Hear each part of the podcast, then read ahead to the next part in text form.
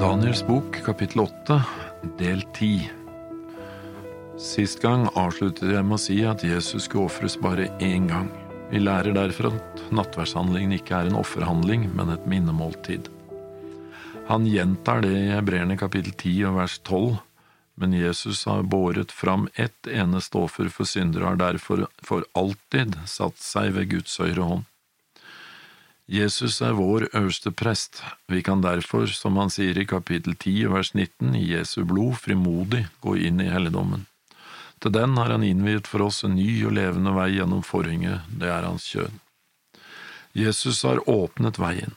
Vi behøver ikke å gå igjennom en jordisk prest eller noen andre, vi kan henvende oss direkte til Gud i Jesu navn.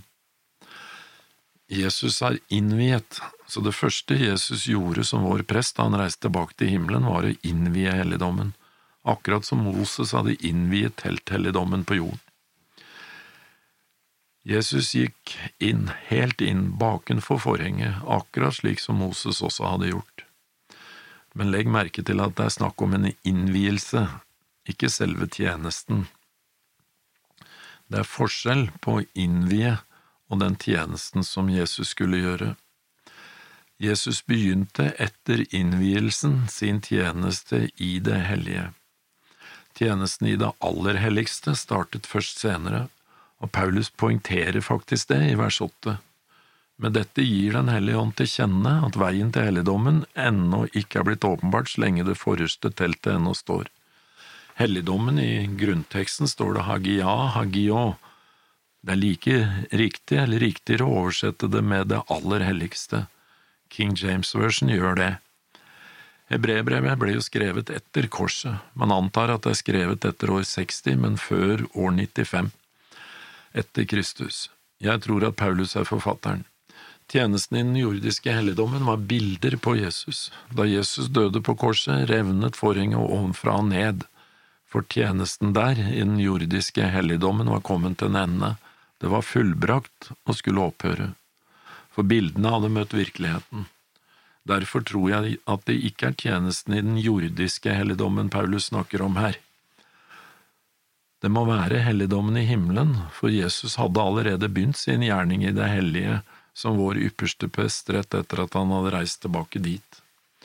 Når han skriver at det forreste teltet ennå står, handler det om tjenesten der, i det hellige. Tjenesten i det aller helligste, som eh, skulle oppfylle bildene i den store forsoningsdagen, var ikke begynt enda. Det var jo først etter de 2300 aftene om morgenen at helligdommen skulle renses, og dommen, virkeligheten som den store forsoningsdagen var et bilde på, skulle begynne. Det lå enda på Paulus sin tid langt inn i framtiden. Men la oss se litt mer på bildene i selve tjenesten i helligdommen. Den jordiske helligdommen var omgitt av en forgård. Det første du møtte i den, var offeralteret.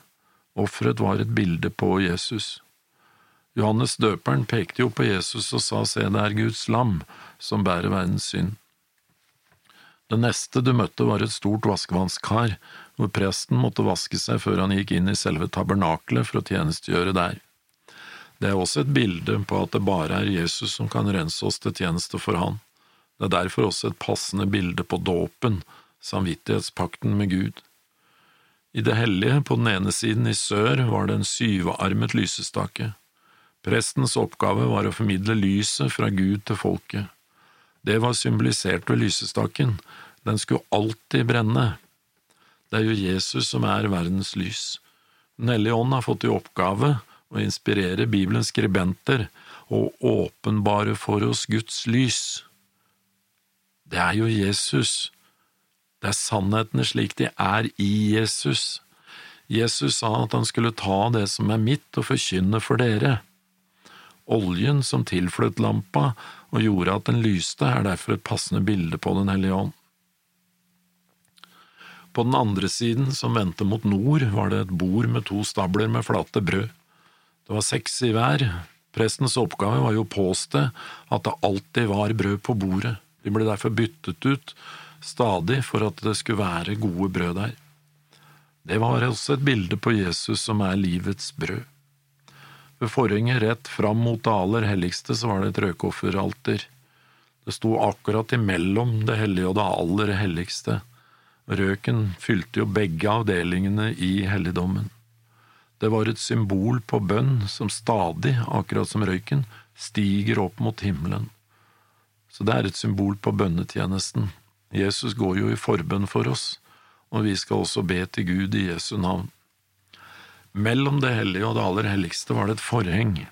I kapittel 10 og vers 20 sier Paulus at det er et bilde på hans kjød. I det aller helligste sto jo paktkisten, som var et bilde på den nye pakten.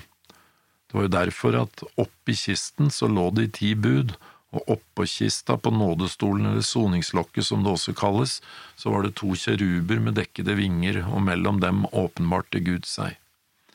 Vi forstår jo da hvorfor forhenget var et bilde på Jesu kjød, på hans menneskelighet, for det skjulte hans guddommelighet, ellers ville hans guddommelighet, som jo er som en fortærende ild, tatt livet av oss, som han kom for å frelse. Vi har nå bare sett et lite glimt av bildene som ligger i helligdomstjenesten, et lite raskt overblikk. Etter at Jesus reiste i himmelen 40 dager etter korset, så tok han opp arbeidet som vår prest og han gjør sin prestetjeneste for deg og meg i dag, først i den daglige tjenesten og så i den årlige tjenesten. Igjennom helligdomstjenesten lærer Gud oss frelsens vei. Forgården var et bilde på vår jord, derfor døde Jesus på korset her, på vår jord. Selve teltet er et bilde på himmelen. Jesus kom fra himmelen til vår jord. Han tok dåp, og tjente i 3,5 år før han ga livet sitt på Golgata for å sette oss fri. Vi må så komme til korset, og så må vi ta imot Jesus sitt offer for oss. Vi må velge å dø fra syndelivet vårt og la Han vaske oss ren fra synd, så vi kan inngå vår samvittighetspakt med Jesus og gå i dåpens vann. For så å bli med Jesus inn i det hellige, og la Han opplyse oss det er jo bildet fra lysestaken, og gjennom sitt ord, det er jo et bilde fra skuebrødene, og bønn, det er jo bildet fra røkofferalteret. Det det egentlig handler om, er jo å vokse i nåde. Rettferdiggjørelsen finner du ved korset, helliggjørelsen finner du i det hellige, vi vokser i nåde. Vi må be sånn om at Jesus skal oppfylle den nye pakten. Vi må med andre ord velge å bli med Jesus inn i det aller helligste, slik at han skal skrive sin lov i hjertet vårt. Og da er vi klare til at Jesus kan ta oss med til himmelen når han kommer tilbake. Jesus kom altså fra himmelen til vår jord, og vi skal gå sammen med ham fra vår jord mot himmelen. Det sto i Daniel kapittel 8 vers 13 at det var en hellig som talte, og en annen hellig som sa til han som talte. Så hvem er den hellige, han som talte? Han som talte, i King James version så oversetter de det med That Certain Saint. Grunntekstordet, det er palmoni. Ordet er eh, noe omdiskutert. I margen i gamle King James-bibler så står det The Number of Secrets og The Wonderful Number. Dersom du leser fra Bishops Bible fra 1568, så bruker de ordet palmoni uten å oversette det i teksten. Og leser du verset fra Youngs Literal Translation, så bruker de The Wonderful Number. Grunnen til at de oversetter det med Wonderful Number, tror jeg er at ordet kommer fra to andre ord. Pelé, som betyr underfull. Ordet er faktisk brukt i Jesaja kapittel 9 og vers 6 og det er brukt om Jesus. For et barn er oss født, en sønn er oss gitt, herredømmet er på hans skuldre, hans navn skal kalles Underfull. Det er jo Jesus som er den underfulle. Og det andre ordet er egentlig samme ordet som er brukt i historien om Belsasars gjestebud, da hånden kom til syne og skrev på den kalkede veggen Mene, mene. Selv om ordet er skrevet på arameisk i Daniel 5 og ikke hebraisk, så har det samme betydning. Tydningen av ordet mene var i Daniel 5, tellet har Gud ditt kongedømmes dager og gjort ende på det. Når vi leser eh, Daniel kapittel 5, så ser vi at eh, Gud hadde hatt en, skal vi kalle det en undersøkende domshandling. Han hadde undersøkt, han hadde tellet kongens dager, Han hadde også veid kongen på vektskåla, men han ble funnet for lett. Derfor ble dommen felt, og samme natt var både kongen og hans kongedømme historie. Jesus er den underfulle, han som teller og veier. Det er han som faktisk gir profetien om de 2300 dagene her i Daniel kapittel 8 vers 14. Når vi vet det, så er det interessant at det også er han som møter opp i åpenbaringen 10 og sier at nå er tiden omme. Han ikke bare sier det der, han sverger i åpenbaringen 10 ved han som skapte, altså ved seg selv. Men hvilken tid? Ja, vi skal se litt mer på det en annen gang. Det var ikke bare i Daniel 5, i historien om gjestebudet til Belsasar, at Gud teller og veier. Ordet parmoni her i Daniel 8,13 gir meg også en klar indikasjon om at det kommer til å foregå en undersøkende domshandling før Jesus kommer tilbake andre gangen. For det må det være. Det må til en undersøkende dom før Jesus kommer tilbake andre gangen. For når han kommer, så har han jo sin lønn med seg, da er det alt avgjort hvem som blir frelst og hvem som ikke blir frelst. Hvor lenge gjelder synet? Hvor lenge, Gud, til du som er the wonderful numberer, teller og veier? Til du tar et oppgjør med det stadige, ikke offer, men det stadige og det ødeleggende frafallet?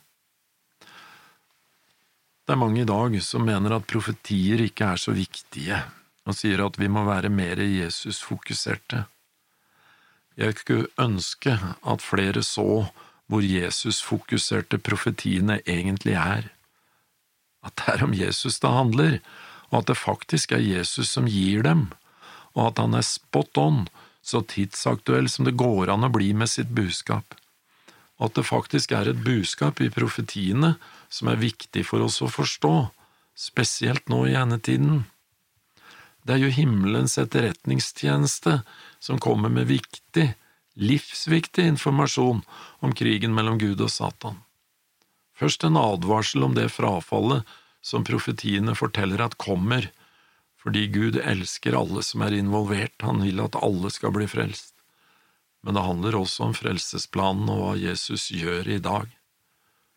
For Jesus sitter ikke stille bare i himmelen og ser på at klokka går, og venter på at den skal slå, slik at han kan komme tilbake.